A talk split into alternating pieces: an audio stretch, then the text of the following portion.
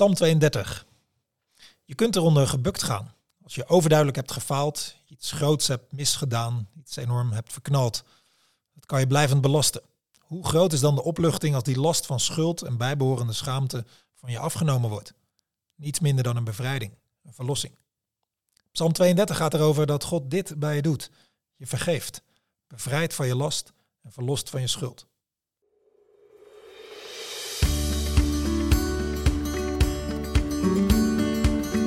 Welkom bij de Noorderlicht Rotterdam podcast. Een serie gesprekken en psalmverdiepingen over geloof en wat het in je dagelijks leven kan betekenen.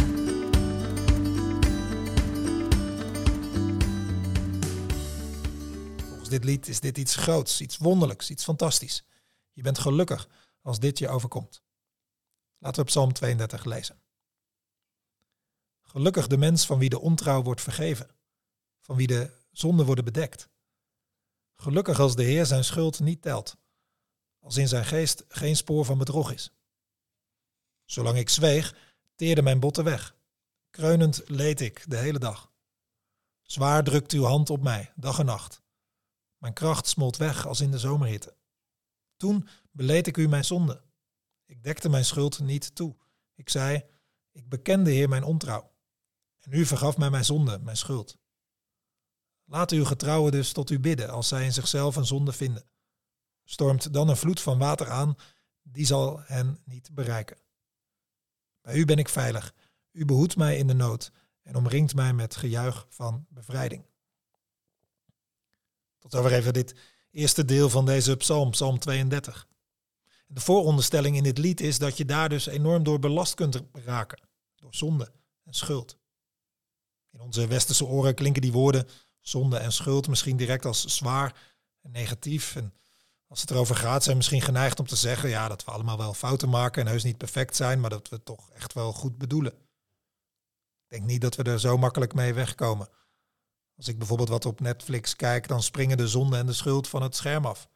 Mensen worstelen er wat mee af. dat is niet alleen op Netflix. In het gewone leven ben ik al zo vaak mensen tegengekomen die worstelen met iets wat ze ooit helemaal verkeerd hebben gedaan. Die ene keer dat ze vreselijk de mist in gingen. Die foute keuze met zoveel nare gevolgen. Of die breuk die ze voor een gevoel hadden kunnen voorkomen. Of dat bedrog waar ze nog steeds spijt van hebben. Of die overmaat aan drank op die ene avond waardoor ze brokken maakten. En ook bij zoveel mensen is er misschien niet die ene grote fout of foute periode. Maar is er wel het besef dat ze met hun carrière drang, of met hun al te grote voetafdruk op deze aarde, of met hun al te scherpe tong, anderen hebben beschadigd. Zonde. En of je het nu wel of niet kunt meemaken, die woorden schuld, zonde, in de Bijbel zijn het begrippen die helaas typerend zijn voor mensen. En ook Psalm 32 beschouwt het als een groot, zwaar, belastend probleem. Er worden in Psalm 32 verschillende woorden voor dit probleem gebruikt. Ontrouw, zonde, schuld, bedrog, slechtheid. Alsof we in verschillende soorten maten kunnen falen bij mensen. Anderen tekort doen, God tekort doen, ons doel missen. En Psalm 32 weet dan dat dit soort dingen op je kunnen drukken, je neerdrukken. Ze maken je kleiner, als het ware. Je gaat eronder gebukt, het doet pijn. Zozeer zelfs dat het soms fysiek te voelen is. Psalm 32 wijst dan de weg waar het te zoeken is, als je weet van deze last. En daarbij wijst het een wat andere weg dan de meer goedkope adviezen die je om je heen kunt horen. Adviezen als ah, probeer niet te veel terug te kijken, maar vooruit te kijken. Of wees milder voor jezelf. Of pak het niet te zwaar op. Of maar je hebt ook zoveel goed gedaan. Het is lang niet altijd verkeerd en soms ook prima om te zeggen. Maar ergens schiet het ook tekort, denk ik. Want het pakt het werkelijke probleem niet aan. Het is als iemand die de hele dag rondloopt met een rugtas op zijn rug, een rugtas met vier bakstenen. En als zo iemand daar last van heeft, om met adviezen te komen zodat hij wat minder aan die bakstenen hoeft te denken. Ja, dat helpt ergens wel, maar schiet ook tekort. Want het echte probleem, die vier bakstenen die meegesjouwd worden, daar wordt diegene niet van afgeholpen. En deze psalm, die helpen je dan, om even in het beeld van de bakstenen te blijven, die helpen je dan om van die bakstenen af te komen. Oftewel, die helpen je hoe je van je schuld of last afkomt. Deze psalm stelt dat je daarvoor bij God moet zijn. En dan worden er drie woorden gebruikt die aangeven wat God dan doet met je schuld, je zonde. God die vergeeft. Zo begint deze psalm. Letterlijk staat er die draagt. Hij gaat de last dragen. Want als je een fout hebt gemaakt, ben je aansprakelijk, maar die aansprakelijkheid neemt hij van je over. Als tweede bedekt God het, zodat de besmetting van die zonde niet meer te zien is. En in de derde plaats laat God het niet meer meetellen, zodat je een schone lei hebt en niet een soort dossier dat opgebouwd is, waar het altijd in blijft staan. En met die God, die je schuld vergeeft, die je besmet zijn bedekt, die je fouten niet meer laat meetellen, met die God kun je echt verder. Dan ben je volgens deze psalm echt gelukkig. Dat God die last van je afneemt, daar, is nog wel iets voor nodig, volgens psalm 32, namelijk dat je er eerlijk over wordt. Oftewel dat je schuld beleidt. En dat kan lastig zijn en daarom kiezen we vaker voor andere strategieën. Ik noem er drie. Erover zwijgen. Vers 3 wordt erover gesproken. Dat is niet de weg, zegt de psalm, want dan slaat het naar binnen. Dan ga je er op lange termijn van binnenuit aan stuk. Dan verteert het je. De tweede strategie is om je schuld zelf maar toe te dekken. Bijvoorbeeld te wijzen op anderen of op de omstandigheden, verontschuldigingen te zoeken. Vers 5 wordt dat genoemd. Is ook niet de weg, zegt de psalm. Of de derde strategie is dat we wachten tot we zo in de hoek gedreven zijn dat we niet anders meer kunnen dan toegeven.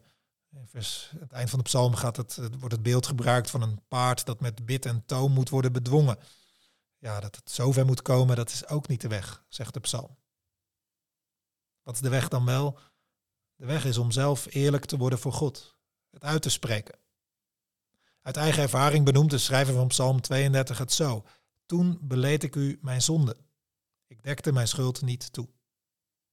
Om zo eerlijk te worden over onze fouten en falen, dat heeft ergens ook een risico in zich, namelijk het risico van afwijzing.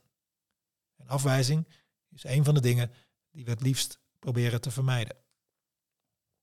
Psalm 32 verzekert ons ervan dat we die angst voor afwijzing bij God niet hoeven te hebben. Ik zei, ik bekende Heer mijn ontrouw en u vergaf mij mijn zonde, mijn schuld, zegt deze psalm. En daarom kan het ook adviseren, laat uw getrouwen dus tot u bidden als zij in zichzelf een zonde vinden. Dat is de weg naar geluk, nieuw geluk, gelukkig te zijn. Met die woorden begint de psalm ook twee keer. Hoe gelukkig ben je als je ontrouw is vergeven, als je schuld niet geteld wordt. Mocht je twijfelen of die last van jou afgenomen kan worden, jij vergeving en bevrijding kan krijgen, of die vreugde en opluchting waar deze psalm van spreekt, jou kan toevallen. En misschien denk je dat het bij jou te erg is, of te lang geleden, of te veel. Dan zou ik zeggen, kijk naar Jezus Christus, want daar zien we dat God zeker zo is als in Psalm 32 staat. Aan het kruis draagt Jezus alles wat er maar te dragen is. Hoe smerig, lelijk, gemeen of kwaad het ook was wat je gedaan hebt. Aan het kruis dekt hij met zijn liefde alles toe wat aan jou kleeft. En aan het, aan het kruis slaat hij al je fouten en falen, zodat er niets meer in jouw dossier overblijft. God is zo goed en genadig om te vergeven. Psalm 32 is ons gegeven om ons daaraan te herinneren.